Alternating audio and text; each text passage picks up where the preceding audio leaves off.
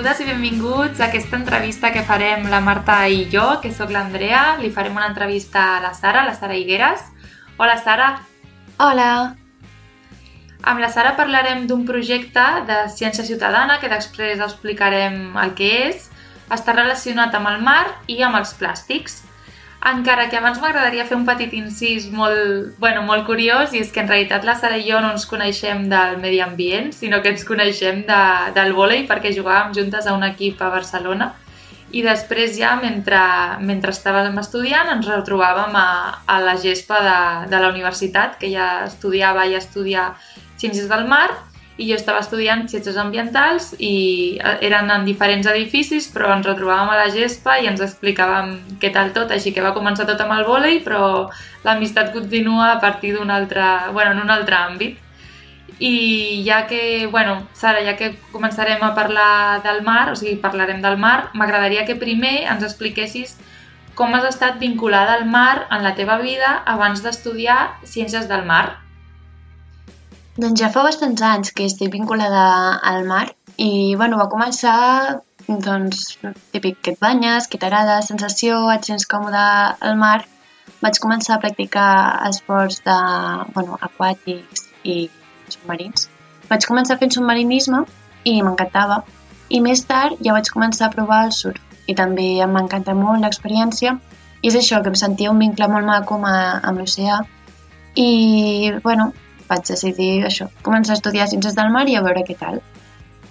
Llavors, mentre estaves estudiant, mentre estàs estudiant Ciències del Mar, a partir de, em vas dir, segon o tercer curs, me'n recordo, que vas començar a ser voluntària a una fundació que es diu Surfrider, que és internacional, i, bueno, explica'ns una mica, una, una mica aquesta, forma, o sigui, aquesta fundació i el projecte i tot.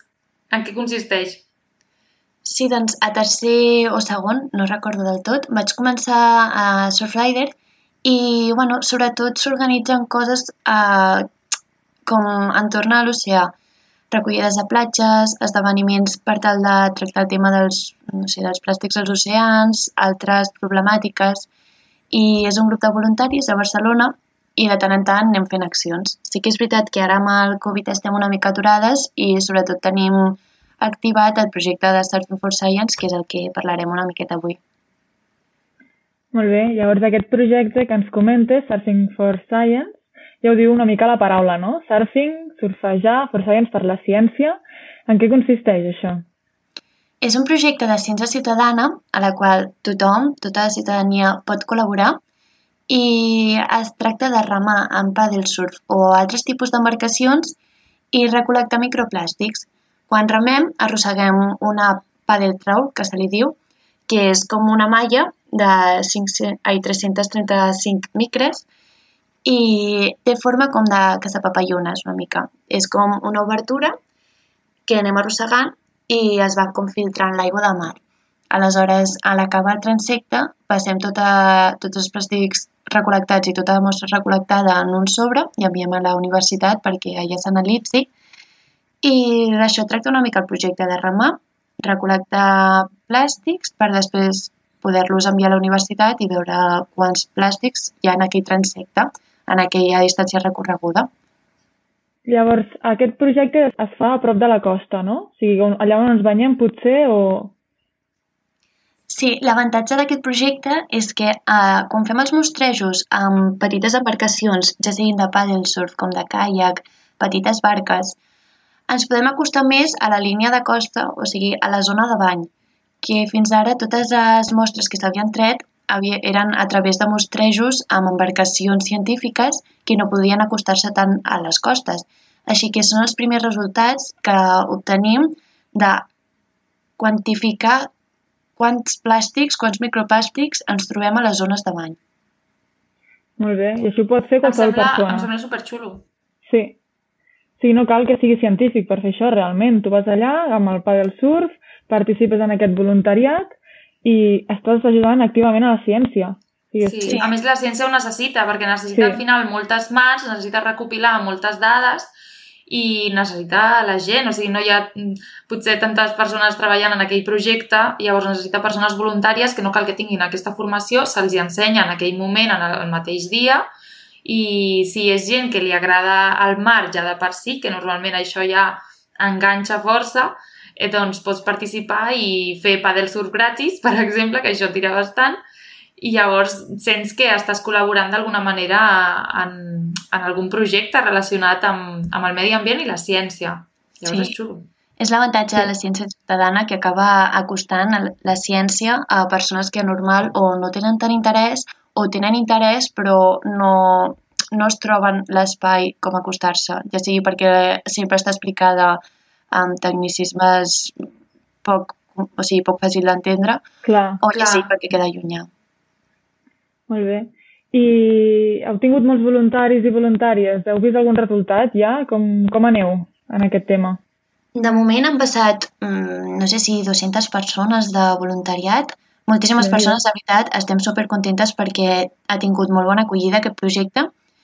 I encara no tenim resultats, esperem tenir resultats més fermes a partir de, de l'estiu, però sí que comencem a veure una mica eh, tendències de on es solen acumular els microplàstics i quines altres zones tenen menys, perquè varien molt els resultats que estem obtenint.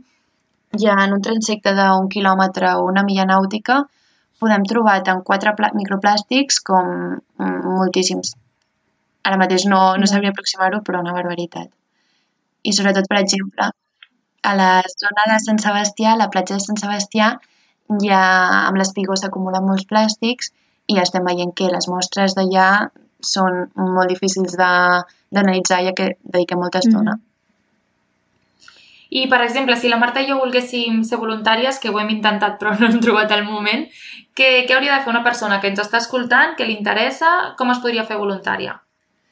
Doncs es podria fer voluntària contactant a través de la web de Surfing for Science o bé també contactant amb les, amb les entitats col·laboradores directament i si no també enviant un missatge per Instagram o per correu a Surfrider Barcelona o Surfrider Espanya i des d'allà eh, ja posaríem en contacte amb l'entitat col·laboradora que els quedi més a prop o que els interessi més, ja sigui pel tipus d'embarcació, per diferents motius.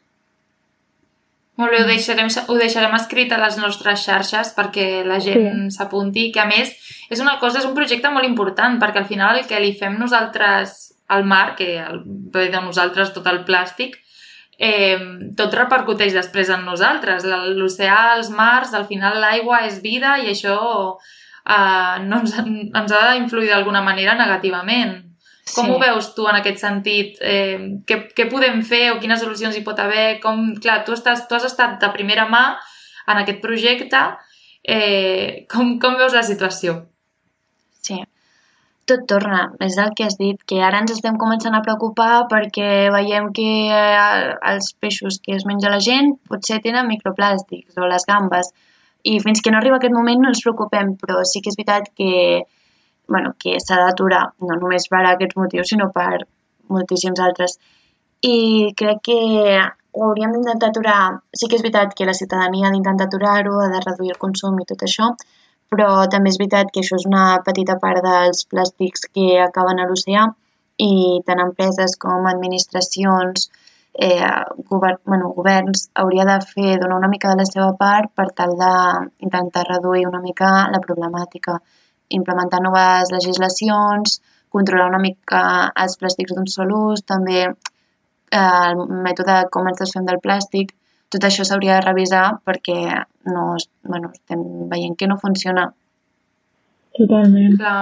Recordem que els microplàstics, a més, són bastant problemàtics perquè diem a vegades que el plàstic es degrada, però al final és que es descomposa i es descomposa en petits fragments i poden arribar a ser molt, molt perillosos perquè hi ha eh, la fauna marina, hi ha, bueno, hi ha certes espècies que poden anar amb la boca oberta per menjar i s'estan empassant tots aquests plàstics, es pensen que estan plens i, o poden tenir intoxicació i acaben morint, per exemple. Eh, seria un, un dels problemes que hi pot haver, hi ha molts més, podeu seguir a, a les xarxes a, a Surfrider, que segur que publiquen moltes coses al respecte. També hi ha documentals, hi ha algun documental a Netflix de un oceà de plàstic. I... Sí, No és només la ingesta, també el fet de que els animals es quedin atascats, les xarxes fantasmes, per exemple. també. És que ja, sí, és veritat, Tots hi ha moltes coses. impactes, totes les coses que estem eh, afegint fa que es puguin ferir els animals, que acabin morint d'estrès, de ferides, a part de la ingesta. Sí, Mhm. que, explica una mica el que són les, les xarxes fantasmes, si us plau, Sara. Doncs les xarxes fantasmes són xarxes de pescar que han sigut abandonades al mar, ja sigui per, bueno, per accident o voluntàriament, i que, bueno, que els animals es van enredant en aquelles xarxes i no, bueno, la majoria o moren d'asfíxia o moren d'estrès o per ferides. I ara hi ha Segueixen projectes... pescant. Sí, segueixen No? Pescant que- inconscientment, totalment. Clar, Sí. exacte. Han, han servit per pescar, les abandones i segueixen pescant, però no és per cap... O sigui, clar, és una, és una mort innecessària. Sí. Eh, I, clar, i és, és, és un problema. Ara hi ha bastants projectes de treure xarxes fantasmes i hi ha bastants experts que estan fent bueno, coses per això. En qualsevol moment, si ens trobem alguna xarxa sota l'aigua, es pot buscar el projecte de xarxes fantasmes de Catalunya per tal de, bueno, de que desaparegui aquella xarxa allà. Clar, són molt xulos aquests projectes, per tant, si, no sé, si la gent s'anima a col·laborar, si té alguna inquietud pel medi ambient, doncs és una genial manera de- d'implicar-se, aprendre i, i bueno, fer, fer alguna cosa al respecte i fer pressió sí. realment a, a, qui, a qui ha de fer aquest canvi que bueno, és- són les persones que poden legislar en contra dels plàstics d'un sol ús i les empreses i, i tot el que, tota la pesca que hem dit. Bueno, a mi m'agradaria dir, que això ho sé jo perquè, perquè ens ho has explicat, però punts on es pot fer, es pot ser part d'aquesta- d'aquest projecte de ciència ciutadana eh, repartits per tota la costa catalana. Veritat? Sí, estem repartides per diferents zones de, de Catalunya. Hi ha cinc punts de mostreig a Barcelona i cinc altres punts de mostreig a fora de Barcelona, a Catalunya. I actualment tenim zones de mostreig a Barcelona, tenim a Nova Icària, a Sant Sebastià, a Platja de Somorrostro, Platja de Llevant i la Platja de Marbella. I fora de Barcelona, a Catalunya, tenim zones de mostreig a Palamós, Arenys, a Llançà, a Castelldefels, a la Metlla de Mar, a Comarruga i a Montgat. Ens ho ha deixat molt fàcil. Sí. Ja podeu escollir el vostre punt per anar a fer paddle surf, participar en aquest projecte de ciència ciutadana, Surfing for Science i, i bueno, passar una bona estona ajudant a la ciència. Sí, us esperem. Així que... Molt bé, ens veiem al bar i moltíssimes gràcies, Sara, per venir. Moltes gràcies a vosaltres per convidar-me. Merci. Adéu. Adéu. Adéu!